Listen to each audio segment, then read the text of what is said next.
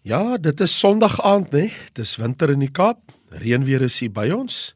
Maar ons weet mos die Here is goed. Die damme is besig om al hoe voller te word en daarvoor loof en prys ons die Here.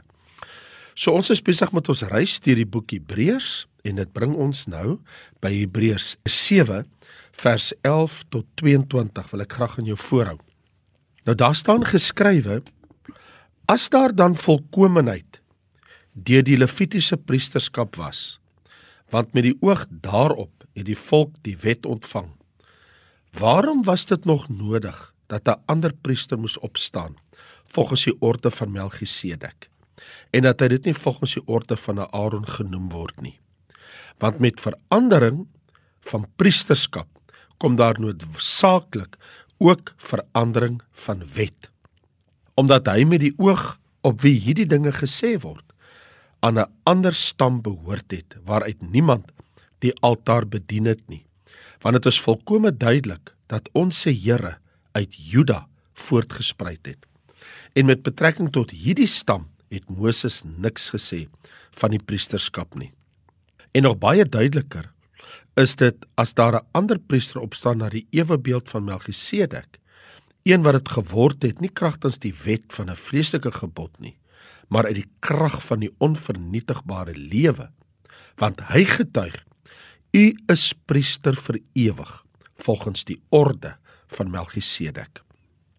Want aan die een kant is daar die opheffing van die voorafgaande gebod weens die swakheid en nutteloosheid daarvan omdat die wet niks volkome gemaak het nie. Maar aan die ander kant is daar die invoering van 'n beter hoop waardeur ons tot God nader en vir sover dit nie sonder eedswering was nie want hulle het sonder eedswering priesters geword maar hy met eedswering deur die een wat aan hom gesê het die Here het gesweer.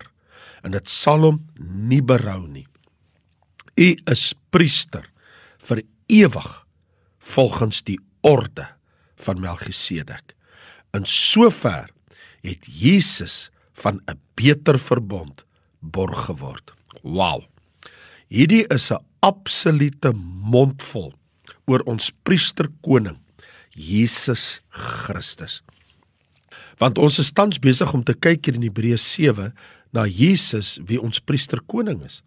En die hoofgedagte van hierdie skriflesing wat ek nou vir jou gedoen het uit Hebreë 7, sien ons die perfekte, volmaakte priesterkoning wat 'n finale effektiewe versoening bewerkstellig het vir sy mense.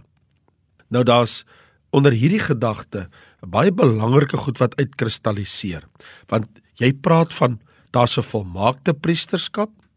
Ons praat van 'n koninklike priesterskap. Ons praat van 'n ewige priesterskap. Ons praat van 'n beter hoop en ons praat van 'n beter priester vir 'n beter verbond. So wanneer ons praat oor die volmaakte priesterskap van die seun, dit is ongelooflik. Want wat die skrywer hier doen, as jy sy gedagtegang volg in Hebreërs hoofstuk 6 en 7 van eintlik van hoofstuk 4 af, dan vind jy waar hy hier kom. Nie net is Melchisedek groter as Aaron nie, maar Melchisedek vervang Aaron.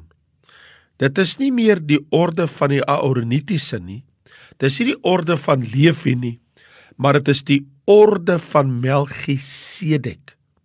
Hoekom sou God so 'n drastiese verandering aanbring in die priesterskap wonder 'n mens?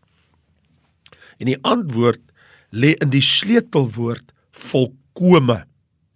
Want die woord verskyn dwarsteer die Hebreërbrief Daar in Hebreërs hoofstuk 2 vers 10, Hebreërs 5 vers 9, Hebreërs 6 vers 1, Hebreërs 7 vers 11, vers 19, hoofstuk 9 vers 9, 10 vers 1, vers 14, 11 vers 40, 13 vers 21. Voortdurend lees ons van die woord volkome, volkome, volmaak, volkome, volmaak. Wat is die gedagte agter dit? Hier is die punt. Die priesterskap van Levi was nie volmaak nie. Want die wet kan niemand volmaak maak nie. Soos wat ons hier lees in vers 11. As daar volkomeenheid deur Levitiese priesterskap was, so daar was nie. Want dit is 'n argument is dis 'n retoriese vraag waar hy sê is daar nee daar is nie. So is die punt. Die punt is die Levitiese priestersorde met al die wette, al die diereoffers van die Ou Testament, alles wat deur al die millenniums plaasgevind het onder die volk Israel. Dit kan nie 'n aanbidder tot volkomeenheid voor God bring nie. Hoekom? Want die Ou Testamentiese verbond lei nie na volkomeenheid nie. In ander woorde, die Mosaïese stelsel van wette was nie 'n permanente stelsel nie. Die Bybel is mos nou baie duidelik dat dit dit net die weg voorberei tot die volmaakte totdat Christus gekom het. Luister mooi. Wat staan in Galasiërs 3 vers 23? Want voordat die geloof gekom het, hy praat van Christus, is ons onder die wet in bewaring gehou met die oog op die geloof wat geopenbaar sou word. Die wet was dus ons stigmeester na Christus toe sodat ons geregverdig kan word uit die geloof. Maar nou dat die geloof gekom het, is ons nie meer onder 'n tigmeester nie. In ander woorde, ons staan nie meer onder daai ou wetsverbond en diereverbonde nie.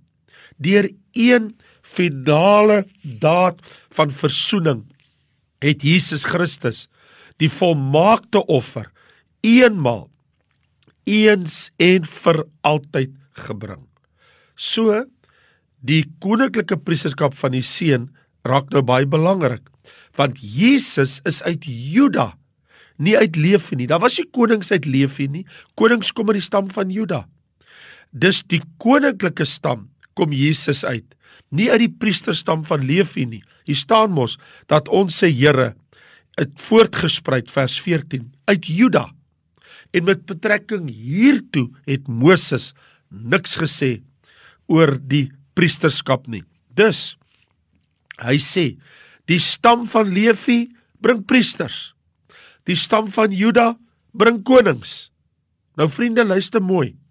'n Koning in Israel was nie 'n priester nie. En 'n priester in Israel was nie 'n koning nie. In die ou verbond was daar nie ruimte vir so iets om te bestaan nie. En tog vind ons hier in die orde van Melchisedek wat buite die ou verbond staan dat Jesus Christus gebore uit die stam van Juda volgens eetswering van God ek maak u priester vir ewig volgens die orde van Melchisedek so hier is die saak die invleg van priester koning in die persoon en die werk van Jesus Christus is goddelik bepaal sy koninklike priesterskap. Hy is koning want hy's gebore in die stam van Juda. Hy is hoofpriester volgens die orde van Melchisedek. En onthou, die orde van Melchisedek het bestaan voor die orde van Levi en Aaron. So ons het hier te doen met 'n ewige priesterskap. Want hier staan dat hy is priester vir ewig volgens die orde van Melchisedek vers 17. Jy sien, al die priesters in die Aarons Levi's orde kon nie permanent aanbly nie. Hulle is deur die dood verhinder. Vers 23 sê, hulle was priesters, 'n groot aantal, maar hulle is deur die dood verhinder om aan te bly. Hulle is almal dood. Nie een van hulle kon die verantwoordelikheid nakom om vir almal priester te wees nie. Die dood het hulle verhinder. Hy sê maar in Jesus Christus uit die onvernietigbare lewe. Psalm 110 het God self gesweer: Ek maak u vir ewig priester volgens die orde van Melchisedek. Vir ewig. Vir ewig. Ons menslike verstand kan nie die realiteit daarvan ten volle begryp nie. Ek bedoel, ons kan sing daarvan, Ons kan dit sê, ons kan dit lees, maar ons verstand kan dit nie ten volle begryp nie. Ons kan dit wel weet, Christus is hoëpriester vir ewig volgens die orde van Melchisedek. Dis 'n goddelike ding. Want 'n priester kan vir jou by God intree. Dit beteken ons het vir ewig die Here Jesus Christus. En dis die feit dat ons het 'n nuwe priesterskap vir ewig in Christus. En dit het geweldige implikasies. Want vers 18 sê aan die een kant is daar die opheffing van die voorafgaande gebod. In ander woorde, die wet is nou in swakheid en in nutteloosheid. Hy sê want die opheffing van die voorafgaande gebod weens die swakheid en nutteloosheid daarvan. So in die lig van die nuwe orde van Melchisedek waaronder ek en jy staan onder Jesus se priesterskap want hy's op hierdie oomblik hoëpriester volgens die orde van Melchisedek in die hemel waar hy vir my en jou intree waar hy ons Here is. Sê die skrywer in Hebreërs 7 in vers 18 dat wat die vorige betref die wet dis nutteloos in die sin dit kan nie ewige belonings bring nie dit bring nie die ewige lewe nie. Dis swak Hy sê die swakheid daarvan want dit bring nie saligheid nie. God het dit nie so bedoel nie. Dit kan ons ook nie red nie. So in vers 18 sê daar's 'n opheffing van die gebod. Hy het tot 'n einde gekom. Hoekom? Vers 19. Die wet kan niks volkome maak nie. Omdat daar 'n invoering van 'n beter hoop waardeur ons tot God nader. Ah, ek het vir jou groot nuus.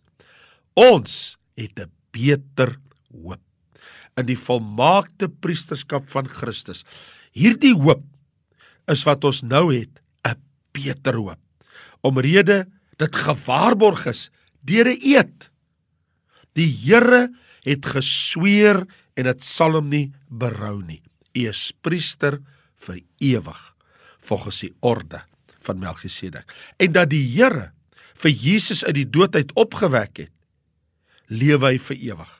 So ek en jy het nou 'n permanente ewigdurende toegang tot Vader God. Ons het 'n beter hoop. Maar dis nie al nie. Hy sê ons het ook nou 'n beter priester met 'n beter verbond. Geen priesterskap en geen verbond kan kers vashou by hierdie een nie. Nie nou nie en nie in alle ewigheid nie. Christus is hoëpriester. Sy priesterskap is beter as die van Levi. Christus se priesterskap bring 'n nuwe, beter verbond, die Nuwe Testament. Geen wonder vers 22 van Hebreërs 7 sê: "In sover het Jesus van 'n beter verbond borg geword. Presies dit is wat die Hebreë skrywer argumenteer. Nie net het ons 'n beter priesterskap nie, maar ons het ook 'n beter verbond in Christus Jesus. Heerlik en goddelik. Dis hoekom hoofstuk 8 vers 13 sê, as hy sê 'n nuwe verbond, het hy die eerste oud gemaak. En wat oud is en verouder is, is naby die verdwyning. So vriende, hier is die goeie nuus. Christus is die waarborg van die nuwe verbond, 'n beter verbond wat ek en jy nou het. En lees ons ook dat die Bybel vir ons dit wil leer dat in Christus Jesus het ons al die seëninge wat hy vir ons aanbied. En die Bybel sê hy bly vir ewig. Hy het 'n priesterskap wat op niemand oorgaan nie. Daarom kan hy volkome red die wat deur hom tot God gaan. Vriende, dierbares, geliefdes, weet dit weet dit vandag Christene gelowiges in Christus Jesus het hierdie absolute hoop van al die beloftes en al die seëninge wat die Nuwe Testament, die nuwe verbond, die beter verbond in Christus Jesus vir ons gebring het. So God se Nuwe Testamentiese verbond kan nie faal nie. Omrede God se priester kan nie faal nie. En het jy geweet met hierdie verbond het ek en jy heerlike, wonderlike, goddelike seëninge. Soos Efesiërs 1 vers 3 sê, Geseend is die God en Vader van ons Here Jesus Christus wat ons geseën het met alle geestelike seënings in die hemele in Christus Jesus ons se Here. Ons soos Petrus sê, immers sy goddelike krag het ons alles geskenk wat tot die lewe in Godsvrug dien, waardeur hy ons die grootste en kosbare beloftes geskenk het, sodat ons daardeur deelgenote kan word van die goddelike natuur, omdat God na sy groote barmhartigheid ons die wedergeboorte geskenk het tot 'n lewende hoop deur die opstanding van Jesus Christus uit die dode sodat ons 'n onverganklike, onbesmette, onverwelklike erfenis kan verkry wat in die hemele bewaar is vir ons, wat in die krag van God vir ons bewaar is. Wie ek wil sê, loof, loof, loof die Here, die koning van die hemel wat sy seun gestuur het en met eetswering bekragtig het dat hy is hoofpriester vir ewig volgens die orde van Melchisedek. Hy kan vir ewig vir my en jou intree by die Vader. Hy kan vir ewig deur sy bloed vir ons verzoening bewerkstellig en vergifnis van al ons sondes. Loof, loof, loof die Vader die Vader van die heerlikheid vir sy lieflike heerlike seun Jesus Christus, die priester koning vir ewig en altyd. Nou kan ek en jy tot God nader in die naam van Jesus Christus sy seun. Nou kan ek en jy bid in die naam van Jesus Christus die hoofpriester en koning. Nou kan ek en jy lof en dank en aanbidding en verering bring aan God in die naam van Jesus Christus. Nou kan ons opstaan, ons kan ons hande uitsteek, ons kan die Here loof vir sy priesterkoning Jesus Christus ons se Here. Halleluja. Is dit nie wonderlik dat ek en jy kan sê geseënd is die God en die Vader van ons Here Jesus Christus wat ons geseën het met alle geestelike seënings in die hemele in Christus Jesus. Wie wat sê die Bybel nou? Ons kan na ons hoofpriester toe kom om op die by die troon van genade om barmhartigheid te verkry en genade te vind om op die regte tyd gehelp te word. Vader, ons loof U. Vader, ons prys U.